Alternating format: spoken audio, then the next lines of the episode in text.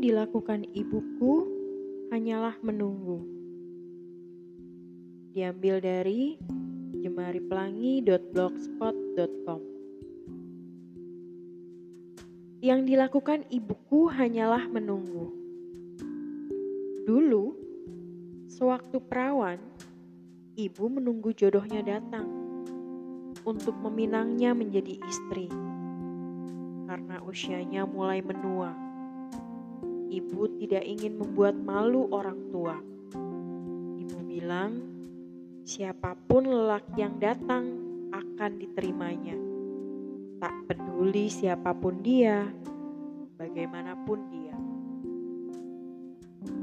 Setelah menikah, ibuku hanyalah menunggu menunggu suaminya pulang dengan senyum yang dipaksa melebar. Malam, tengah malam, menjelang pagi, ibu menunggu dengan setia, dengan aku di rahimnya. Ibu bilang, ibu menyesal menerimanya sebagai suami. Bajingan itu menyakiti, menyiksa, menginjak-injak dan meludah di atas harga diri ibu. Tapi ibu tetap menunggu. Lelaki itu memandangnya dua mata. Aku lahir. Ibuku tetap hanya menunggu. Menunggu aku dewasa agar deritanya habis atau setidaknya berkurang.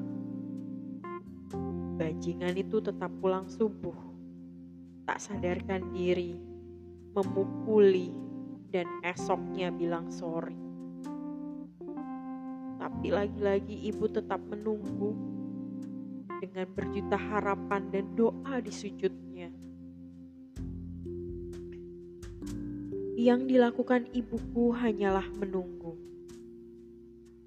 Jika aku mengamatinya terus, aku juga jadi menunggu menunggu ibuku bangkit dari penantiannya yang tak kunjung usai.